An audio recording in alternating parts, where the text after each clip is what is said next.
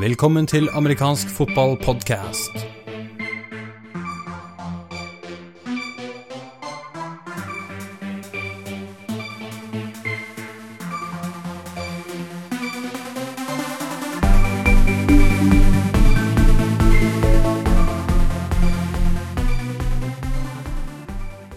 Velkommen til episode én av amerikansk fotball sin podkast. Jeg heter Jarle Magnus Henriksen og er programleder for dagens sending. Vi har delt inn sendingen vår i fire perioder, fire quarters. I første periode så er det amfotball.com sin Jesper Hagen vi skal snakke med om NFL. I andre periode så skal vi snakke med en Seattle Seahawks-fan som er til stede på så å si alle kampene de spiller på hjemmebane. I tredje periode så er det europeisk-amerikansk fotball og serieoppsett der som står på programmet. I fjerde periode så er det Norge som er fokus, og i begge de siste korterne har vi også med oss en gjest som du får hilse på da. Da er vi klare for første periode av dagens sending.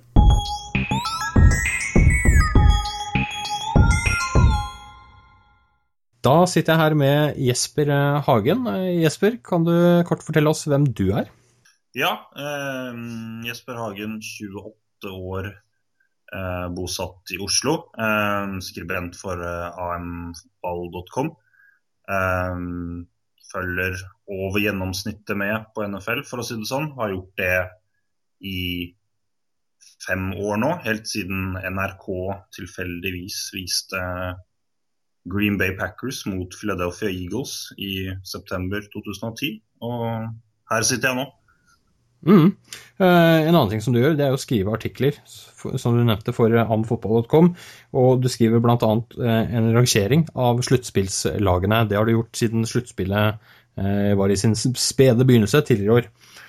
Um, nå er det sånn at det var en, en runde, divisional-runde, i, i helgen som gikk. Yes. Og, eh, og, der hadde jo du rangert de åtte lagene som deltok, med, med Pittsburgh på åttende, de røyk ut. Green Bay, Green Bay på syvende, de røyk ut.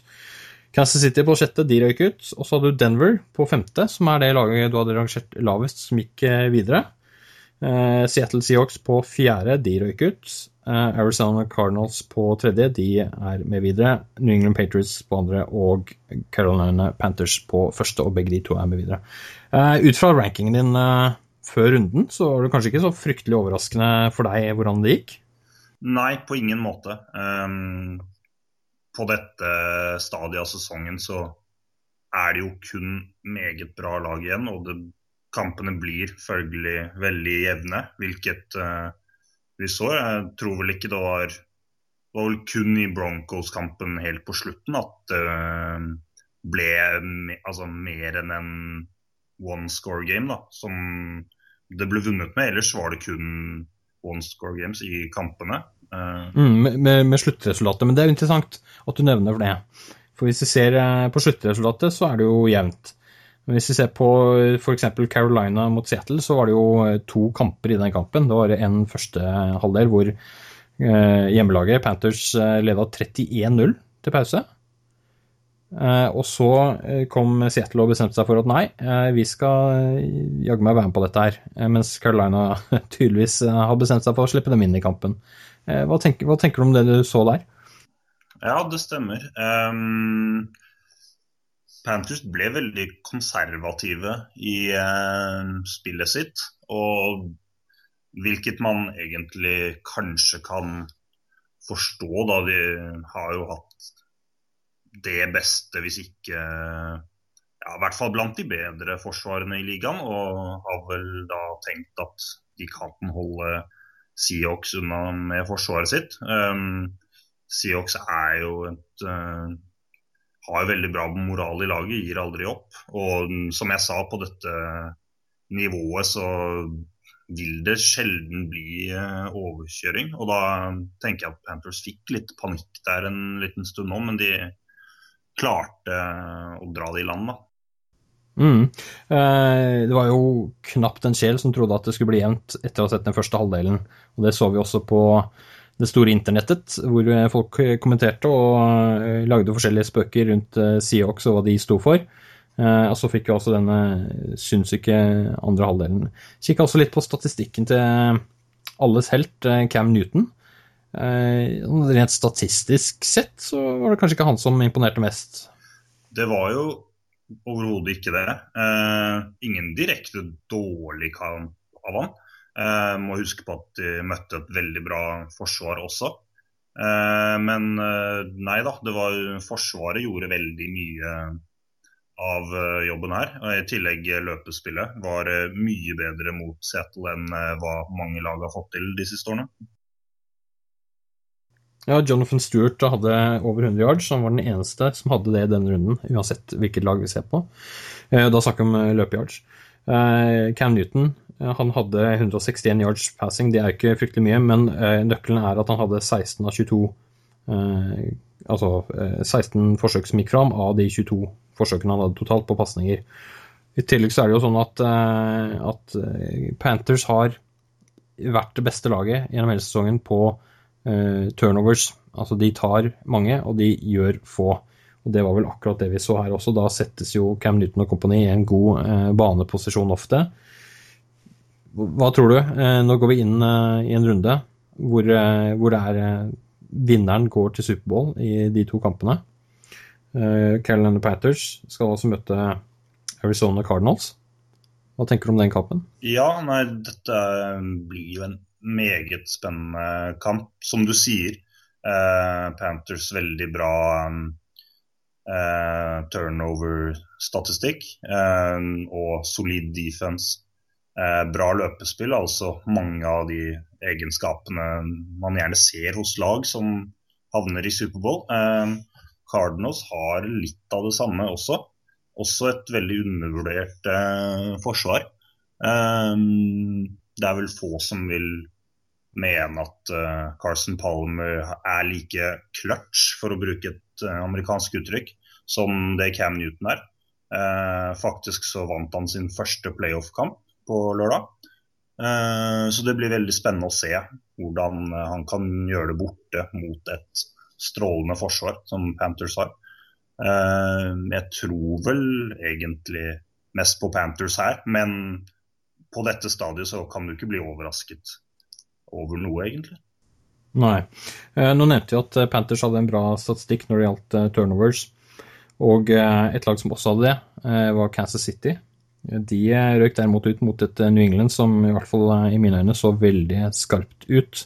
De møter Denver Broncos i, Denver, i championship-kampen der. Denver de overbeviste ikke like mye, syns jeg, mot eh, Pittsburgh. Eh, hva tenker du om Denver mot eh, New England? Nei, jeg er helt enig med deg at Denver ikke overbeviste. Her blir det vel helt jevnt også. Oddsen kommer vel helt sikkert til å reflektere det òg. Der har du vel hjemmebanefordelen. Men forsvaret til Broncos da, det er jo faktisk fantastisk. Og det tror jeg kan eh, holde Patriots ganske bra i sjakk. Eh, men det er riktig som du sier at Patriots så skummelt gode ut mot eh, Chiefs og flytta ballen akkurat som de selv ville. Så nei, også en ny potensielt fantastisk kamp. Ja. Nå nevnte du at Denver sitt forsvar var bra. Jeg må jo si jeg ble ikke imponert over det jeg så mot Pittsburgh. Er det Pittsburgh da som er bra, eller? Ja, Pittsburgh har et utrolig undervurdert eh, pasningsangrep. Eh, dette var til og med uten eh, Antonio Brown og D'Angelo Williams, eh, som da for så vidt er running back. Men eh, allikevel, angrepet til Pittsburgh er meget bra. Eh, I tillegg så har jo da ikke angrepet til Broncos vært veldig bra egentlig hele sesongen. Og dermed får jo Pittsburgh, som faktisk også har et veldig bra forsvar, spesielt mot uh, løpespill, de får jo da ballen en del mer enn hva de kanskje ville ha gjort mot et bedre angrepslag. Uh, det er vel en kombinasjon av mange ting, som det alltid er. Uh, Jesper, du har satt opp en uh, rangering igjen, og uh, den ligger ute på nettsiden vår på amfotball.com. Der har du rangert de fire lagene som er igjen. På forrige rangering så hadde du også Denver på femteplass. De er nå på fjerde. Arizona hadde du på tredje, de er på tredje. Og så er det helt likt også på topp to. New England på andre, Carolina på første. Litt kjedelig?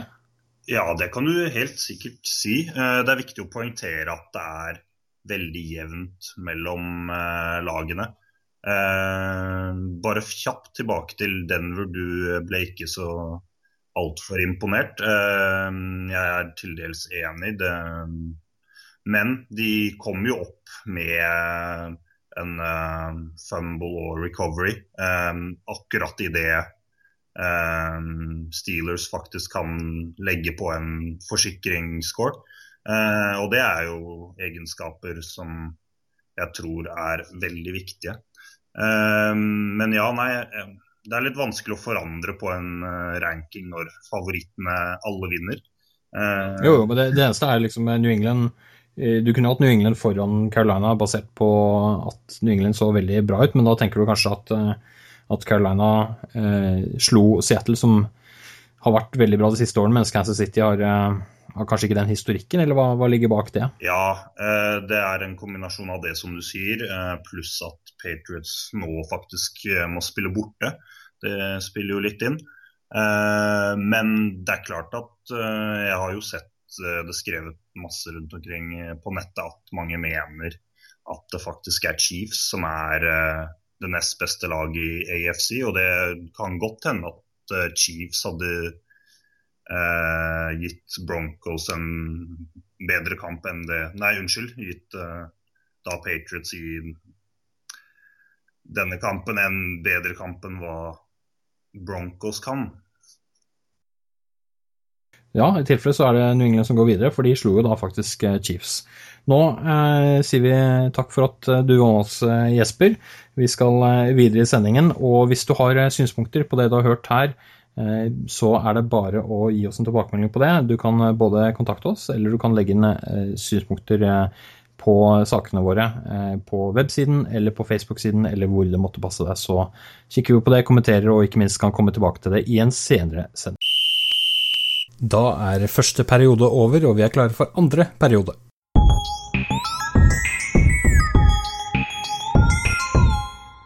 Da har vi fått eh, besøk eh, i studio av en eh, norsk Seahawks-fan, og han er nok litt nærmere Seattle Seahawks enn det mange andre norske Seahawks-fan er. Håkon Strande, kan du fortelle oss litt om hvem du er og ditt forhold til Seattle Seahawks? Ja, jeg har bodd i Seattle i 16 år. Jeg flyttet hit i 1999 uh, for å gifte meg med Amy, som jeg møtte på um, en gresk øy. Uh, uh, siden det har jeg jobbet på Microsoft. Og de første to årene her så var jeg jo um, 49ers-fan. Uh, vokst opp i Norge og sett Superbowl og, og fulgt 49ers. Joe Montana, Steve Young, alle de årene de var uh, på topp. Men etter et par år her så um, fant jeg ut at det var nok best å, å følge med det, det laget som var i byen her uh, det er en stor stemning på, på kampene her, så, så vil jeg uh, delta i det og, og følge, følge, den klubben. Mm. Det, vil, det vil si at du er på mange av kampene, eller en gang iblant? eller hvordan er det? Ja, Amy og jeg kjøpte sesongbilletter i 2002. Det var uh, året etter at uh, Kingdom, det gamle stadion, ble revet ned. Og De drev og bygget det nye stadion, og de Seahawks spilte kampene på Washington uh, College, uh, Universitys stadion. The Huskies stadion. Og så kjøpte tre sesongbilletter, tre seter da. Og de har vi hatt siden. Uh, så har jeg vært sesongbilletteier i tolv år, blir det vel da. Uh, Seattle Seahawks er kjent for uh, den tolvte mann. Dvs. Si at det er mye lyd på stadion. Eh, du har vært med som fan og, på kampene siden eh, før det ble kjent. Hva har skjedd? Hva er utviklingen der? Ja, det var jo stor stemning uh, før det konseptet med den tolvte mannen, som uh, for øvrig er for, fra et uh, college-lag. Er det Texas A&M eller et eller annet? Mm, Texas A&M. Ja, um, det ble introdusert jeg husker ikke 2004-2003, kanskje noe sånt. Uh, før det så var det jo stor stemning i Kingdom, og, og um, det var jo noen uh, år hvor NFL uh, hadde actually regler mot høy lyd fra, fra tilskuerne, hvor, hvor, laget kunne få penalties hvis de lagde for mye lyd, for mye bråk. Um, så jeg tror de bare tok det konseptet med, med voldsom um, støy når uh, motstanderne er i, på offensiven. Og just tok uh, tolvte, mannen, twelfth man, det konseptet fra denne, dette universitetet, og, og, og beveget det over til, til, Seattle Seahawks. Jeg tror også de betaler sånn lisenser for, for det, det, det uh, konseptet. Så jeg vil si at det har funket, for det bringer mer av de tilskuerne som kanskje ikke er så fanatiske, eh, til, eh, til å skrike og, og rope og, og, og hjelpe um, av forsvaret vårt. Uh, nå er det sånn at Du snakket om noen som er fanatiske, noen som ikke er det. Hvor er du oppi dette? Det har jo utviklet seg over årene til å ha blitt uh, litt fanatiker, vil jeg si. Hvert år så har jeg blitt litt, ja. litt, mer fanatisk, og det har jo gått mye opp og ned med laget de siste 12-15 årene. Uh, så jeg vil si at jeg er på stadion og, og, og, og virkelig um, gir alt i, i, form av våre stemmer, våre skriking, så føler vi faktisk at det, det har en, en, effekt på motstanderne. En av de tingene som de, de måler, er ikke de måler også hvor, hvor, høyt vi skriker, men de også måler hvor mange false starts motstanderne har over, i den tiden som sesongen uh, pågår, eller, eller, fra begynnelsen uh, av, uh, av, denne, denne stadions uh, Fra stadion ble bygget. Så um, det, vi er ledere i NFL med hvor mange false starts motstanderne har hatt. Så vi føler litt stolthet av det, da, og så blir det mer og mer skriking ut av det. Du har sikkert vært på en del andre NFL-stadioner også. Hvordan opplever du forskjellen i lydnivå? Uh, det er stor forskjell. Uh, vi har vært nede på uh, Cattlestick i 49ers i sene 90-årene. Um, og det var helt, helt, forskjellig fra hvor vi har det oppe i, i, Seattle. I Seattle så er det ingen som sitter ned under kampene. Stå, alle står, og alle skriker, og alle hopper og danser. nede i Camp of Candlestick Uh, nå er det jo i Santa Clara, men på Candlestick så var det mer, mer en sånn rolig uh, Sitt ned, uh, drikk en øl, se på kampen uh, som den utfolder seg. seg. Føler ikke noe kontakt med laget, de føler ikke noe kontakt med, med spillerne. Mm. og det har dere fått til i Seattle, og du har vært med på det. Det er kjempestilig.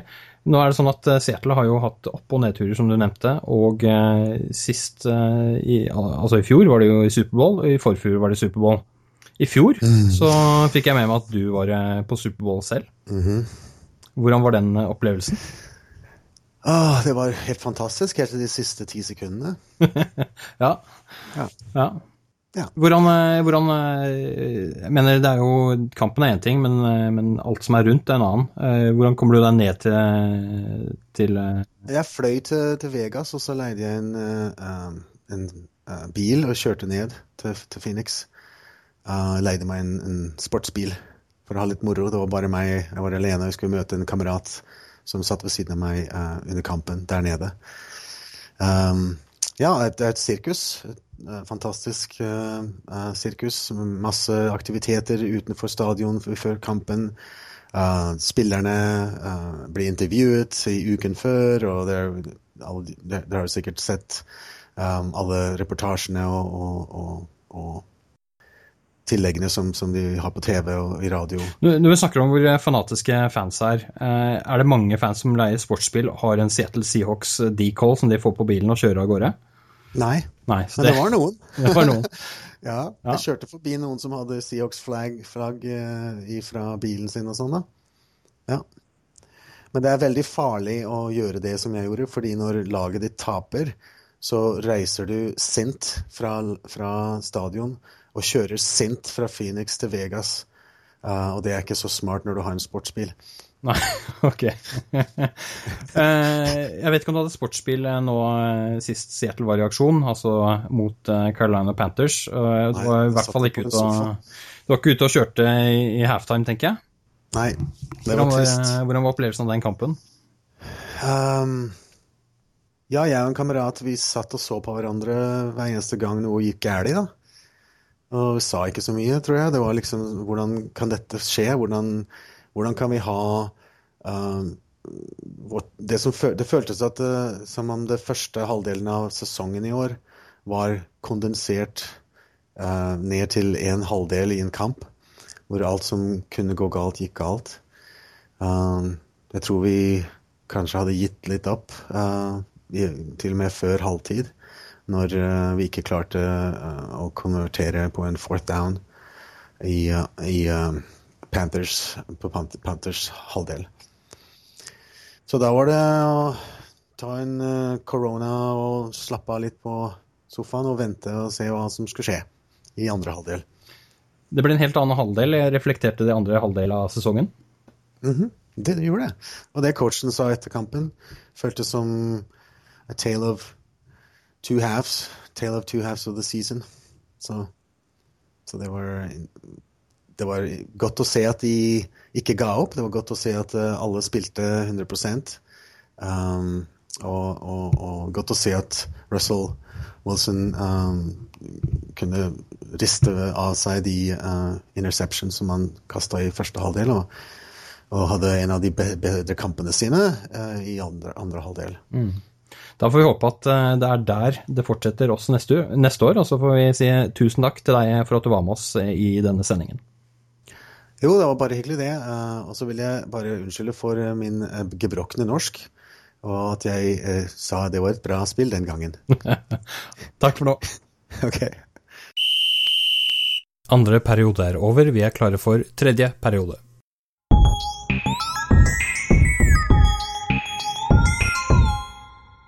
Da sitter vi her eh, sammen med Patrick eh, Hamnøy, og vi skal snakke om eh, ting som skjer ute i Europa og i denne, omgang i Sverige. Patrick, først fortell litt hvem du er. Det kan jeg godt gjøre. Jeg er opprinnelig Vikings-gutt. Begynte å spille på U19-laget til Vikings i 1995. Jeg var med der fram til 99.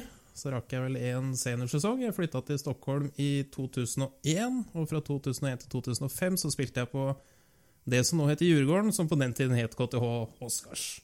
Jeg var også innom både aldersbestemte og seniorlandslag i løpet av den tida der. Og så fra 2005 til 2013 så har jeg vært involvert i en del eh, forbundsarbeid. Eh, sist da 2012-2013 som seksjonsleder amerikansk fotball i NIFE. Mm. Eh, det betyr også at du har god kompetanse og god kunnskap når det gjelder hvordan serieoppsett har vært både i Norge og i Sverige, for du har vært med og sett litt? Ja, det har jeg. Mm. Hva, hva, tenker du, Det har skjedd noen endringer i Sverige fra tidligere år til det vi ser at de skal ha som serieoppsett i 2016. Hvis du kort skal beskrive hva forskjellen er, hva er det? Altså Forskjellen for svenskene er eh, ganske drastisk i forhold til hvordan det har vært tidligere år. Tidligere så har de spilt uh, stort sett alle serier parallelt, altså både U15, U17, U19, dame, herre, senior, uh, fra slutten av mai. Og så har de spilt egentlig året rundt, eller ikke året rundt, men sommeren gjennom, og så avslutta med en eh, SM-finale da i starten av september. Eh, ofte da med kanskje to til tre ukers opphold i juli måned. Nå har de gjort en endring på det, og det som er litt interessant fra et norsk perspektiv, er at det, nye serieoppsettet, eller den nye serieinndelinga, hva du vil kalle det, den ligner nå egentlig veldig mye mer på hvordan vi har hatt det de siste årene. Mm. Og da er det jo sånn at vi har uh, hatt seniorsesongen vår på våren sammen med Eh, U17. Og eh, så har vi hatt eh, U19 og U15, er det vel, på høsten. Sammen med damer? Sammen med damer nå fra i fjor av. Svenskene har litt variant av det. Men hva tenker du? Positivt, negativt? Jeg tenker at det er positivt. Jeg har egentlig alltid syntes at den måten vi gjør det på, gir en totalt sett bedre ressursutnyttelse av støtteapparatet rundt, som man dessverre er fortsatt ganske avhengig av for å kunne avvikle kamper. Eh, det har jo vært en diskusjon som har pågått i Norge også i flere år. altså Man, man vil jo ha flere kamper, og det er jo forståelig, det. Men uh, Samtidig har det vært en utfordring hvor man skal plassere de. Uh, og man har egentlig konkludert med at man ikke ønsker å forskyve en sesong over sommerferien. Uh, og ettersom svenskene nå har lagt seg på mer eller mindre samme løype, jeg sier ikke at vi er inspirasjon til det. Det kan jo kanskje tyde på at vi faktisk hadde litt rett i akkurat det, da. Ja, for det er jo interessant. Vi har jo sett i Sverige, og det har vært en diskusjon hvor, hvor en del har ment at uh, vi burde gjøre som svenskene uh, og, og ha serien litt mer spredd ut. Mens diskusjonen i Sverige, i hvert fall det jeg har fått med meg, så har det vært mer at uh, det er for store opphold mellom kamper.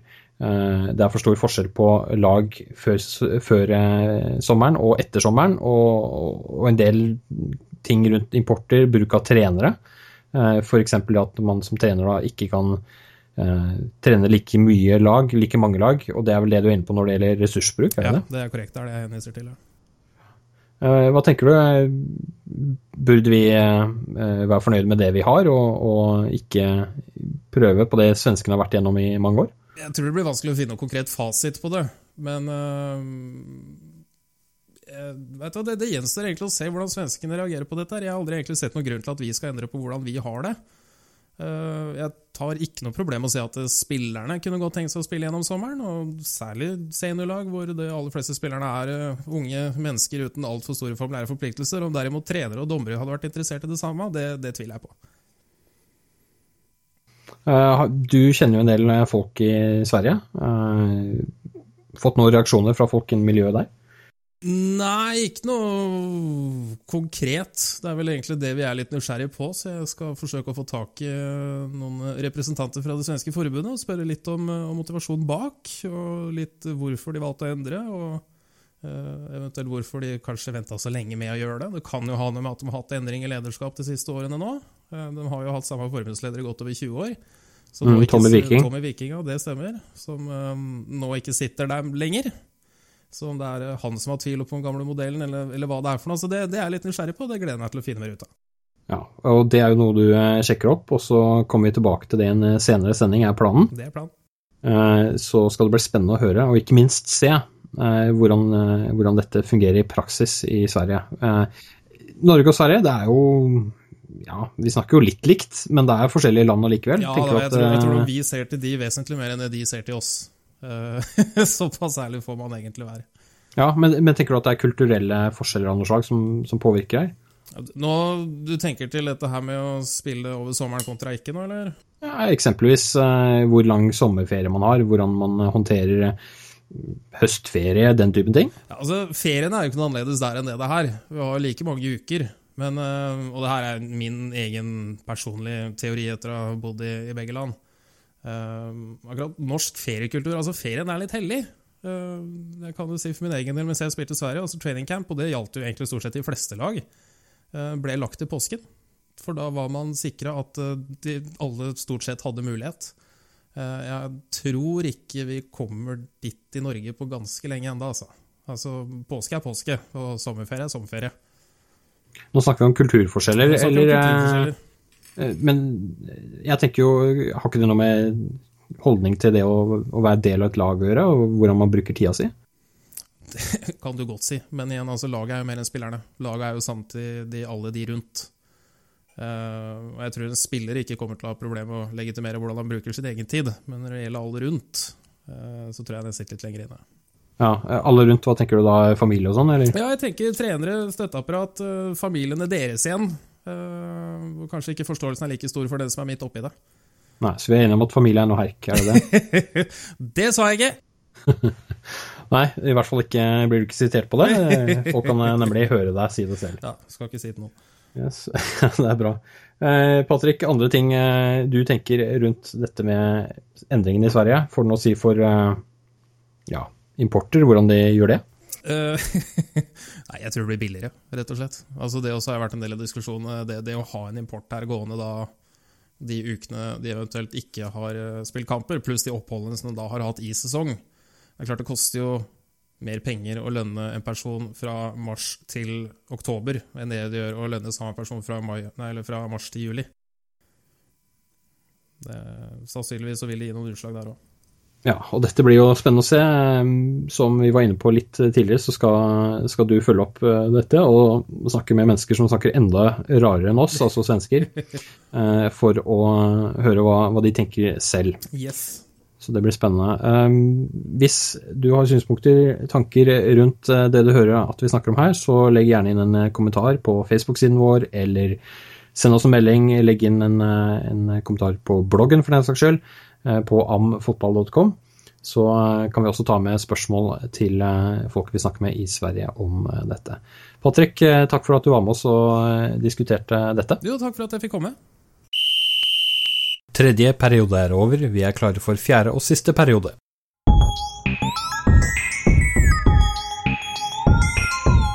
Da sitter jeg her med Patrick Hamle igjen. Og Patrick, nå skal vi ikke snakke om Sverige, men vi skal eh, til eh, vårt eget land, Norge.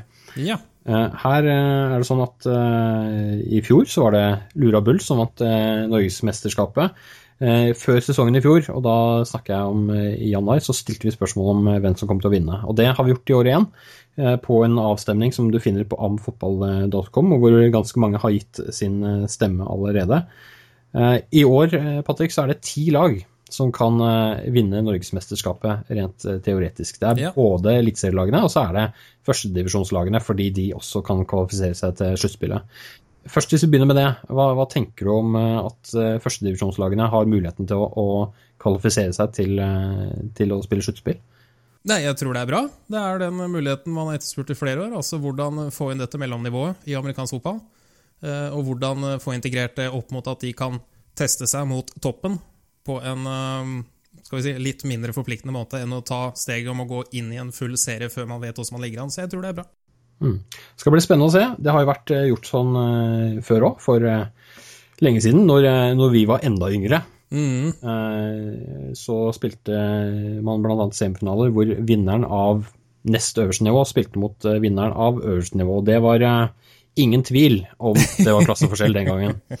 Det kan jeg skrive under på, for jeg var trener for et av de lagene på et ja, tidspunkt. Det, ja. Og jeg var også på sidelinja for eh, et av lagene som var i, i toppdivisjonen mot, uh, mot, et lag som ikke hadde noe i en semifinale å gjøre.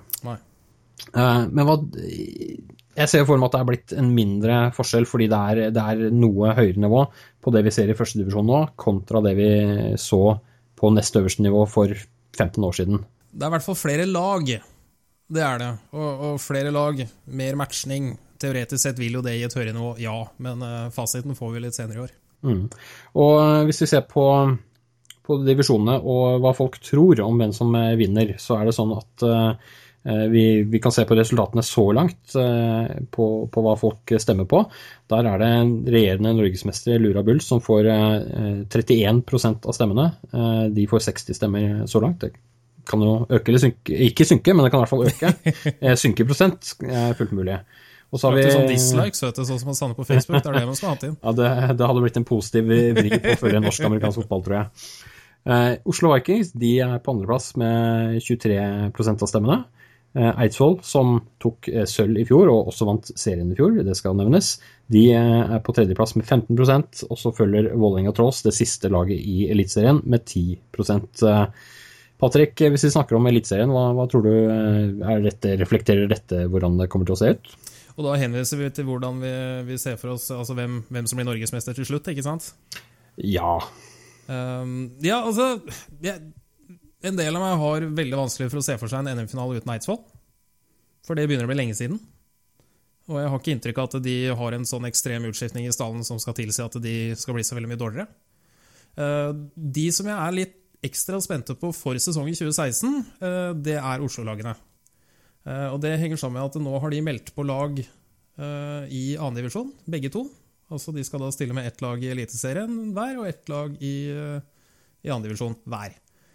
Dette betyr jo én ting, at de sannsynligvis har ganske mange spillere. Jeg vil velge å tro at hvis de er så mange som det de to påmeldingene tilsier, at det vil gi veldig mye bedre treninger. Nå forutsetter jeg at de legger opp til at alle kommer til å trene sammen. Um, og det er klart, jo bedre treninger du har, sannsynligvis vil det gi seg utslag i hvordan du presterer på banen. Ja, Du, du tenker da altså at uh, fordi det er to lag som i praksis uh, trener sammen, så er det flere spillere og dermed høyere kvalitet på det man kan gjøre mot hverandre, med hverandre, på en trening? Er det der det ligger? Det, det, det er det jeg tenker, ja. Men igjen, jeg vet jo ikke hvordan de har tenkt å legge opp dette her. Altså, Om det skal operere som to separate lag, så er de jo akkurat like langt igjen. Men, Ja. eh, men jeg, jeg tror ikke de vil gjøre det. Altså, for alle har vi vel begrensa med ressurspersoner, og sannsynligvis jo mer man får brukt de, eh, jo bedre er det. Så klarer du å gjøre dette riktig, så tror jeg det her kan bli veldig, veldig bra. Eh, Vålerenga Tross hadde jo andre lag også i fjor, og fikk vel delvis gevinst av det, delvis ikke, det vet de best eh, selv. Men jeg tenker her er det noe med antall ressurspersoner og folk eh, plutselig er det bortelag eh, bortekamp for det ene, laget og hjemmekamp for det andre samme dag osv. Hva tenker du om den situasjonen når det er få ressurspersoner i en klubb? Altså, det har de nå vært igjennom noen år. Eh, Så jeg tenker at de møter dette her bedre og bedre for hvert år eh, problematikken dukker opp. Så, så det, det trenger ikke være noe problem. Nå har jeg ikke sett oppsettet, så jeg er ikke sikker på hvor mye disse altså, respektive lagene krasjer i forhold til kampoppsett. Men, men jeg velger å tro at man gjør dette her for eh, Tråsen. Jeg tror jeg det er tredje året, eh, om ikke fjerde. Nei, på andre lag så er det andre året. Hadde ikke det andre lag det ene året de da omtrent var aleine sammen med Tønsberg? Eh, De har ikke hatt andre lag på Nei, noen vet du hva, nå, nå husker jeg feil. Ja, det, det stemmer det du sier. Men uansett, det er ikke første året de gjør dette her. Jeg tror de har masse lærdom å trekke av i forhold til hvordan de løste det for forrige sesong, og det vil gi seg utslag i sesongen som kommer. Eh, Førstedivisjonslagene de får eh, også stemmer. Eh, vi har da stilt spørsmålet hvem vinner Norgesmesterskapet 2016. Og, og gledelig for f.eks. Bergen Storm er at de får to stemmer på det. Eh, men, men Det er, det er ingen! Det er ikke for å mobbe noen, fordi det er sånn at alle førstedivisjonslagene ligger nedover eh, fra etter Trolls, da, som har 10% av stemmene. Og hvis vi ser på, eh, på førstedivisjonslagene, så er det faktisk Olavs menn fra Sarpsborg som, eh, som er nærmest. De har eh, 7 av stemmene. Så følger, eh, følger bl.a. Åsane Seahawks, som vant førstedivisjon i, eh, i fjor. Eh, Før eh, ja, hva skal jeg si, røkla. Det er interessant å se at det er et lite stykke ned til NTNUI Nidaros Domers. De var jo i Eliteserien i fjor. Hva, hva tror du? Burde ikke de vært naturlige favoritter til å vinne førstedivisjon? Jo, men det var ikke det spørsmålet som ble stilt. Da. Det var i forhold til hvem som vinner Norgesmesterskap. Ja, så du tenker at her handler det om hvem som liker hvem? Nei, her handler det om hvem eh, Ja, det kan det for så vidt være, da, ettersom man legger opp til at man kan stemme på, på egen klubb. Ja. Uh, Sånn sett er det nesten smartere, som jeg ser amfotball.com har gjort før, og det er uh, hvem tror du kom på andreplass? Ja, stemmer. Den har egentlig vært ganske interessant. Men, uh, men det er klart, eh, jeg tror denne problematikken ville vært vesentlig mer interessant om man hadde åpnet for, som man gjør på Eliteserien, for å da ha inn profesjonelle spillere som ikke nødvendigvis trenger å være europeiske. Mm. Eh, Reglene er jo da sånn eh, for 2016 at eh, eliteserielagene de kan ha to betalte spillere, som vi kaller importspillere, og uavhengig av nasjonalitet. Mens i førstedivisjon så kan de også ha to betalte spillere, men de må være europeiske. Da snakker vi om Jeg mener at vi snakker innenfor det europeiske økonomiske samarbeidsområdet. Eh, og det har en sammenheng med en avgjørelse tatt av UDI, så det er ikke noe forbundet har funnet på. Det er, det er noe UDI sier at eh, det er ikke toppidrettsnivå, for det er ikke øverste nivå. og Dermed kan man ikke gjøre det samme i forhold til å definere noen som toppidrettsutøver og få dem hit, eh, hit betalt av lovlig. Men du tenker at det, det vil være en forskjell i det sportslige? Det tror jeg absolutt. Fordi det er klart det enkle svaret ville jo da vært å si ja, men da kan du jo bare hente noen med doble pass, da. Men eh, jeg tror eh, Det her kan vel du bekrefte, Arne Magnus. eh, de vokser jo ikke på trær. Nei, det markedet er ganske tett. Det betyr at de som er flinkest på å rekruttere og ha mest kontakter, de får en kjempefordel kontra de andre. Så det kan faktisk være negativt utslag. Og det er fordelen med at man ikke har den dual passport-situasjonen i, i Eliteserien lenger, men man får den forskjøvet nå. Så hvis noen er fryktelig flinke på å rekruttere, så får de en, en litt stygg fordel kontra de andre. Ja, det, jeg tror på, I forhold til det man forsøker å gjøre med ny førstedivisjon nå, så, så mener jeg at det var rett veien å gå. Eh, Jeg tror det er mye bedre at de satser på egne spillere, utvikle egne spillere, få på plass juniorprogrammer, ikke minst. Men når det kommer da til spenningsmomentet i forhold til hvem som vinner NM, så blir det jo da, mener jeg, en markant tydelig forskjell på elitelagene og førstedivisjonslagene. Ja, det, Du tenker at det er først eh, når vi kommer til sluttspillet at det får noe veldig praktisk betydning? Ja. Mm. Patrick, eh, interessant eh, å diskutere, og interessant å se hvordan dette utvikler seg. Folk kan fremdeles stemme.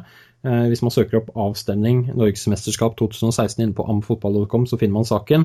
Finner den også i det som vi kaller shownotes, som ligger inne på episoden, podcast-episoden, på websiden vår. Patrick, takk for at du var med oss. Takk for at jeg fikk komme. Og da sier vi takk for nå.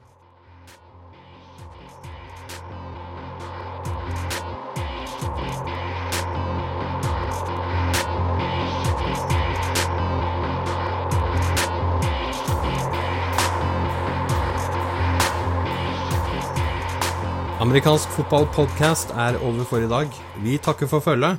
Følg gjerne med på amfotball.com, så høres vi snart.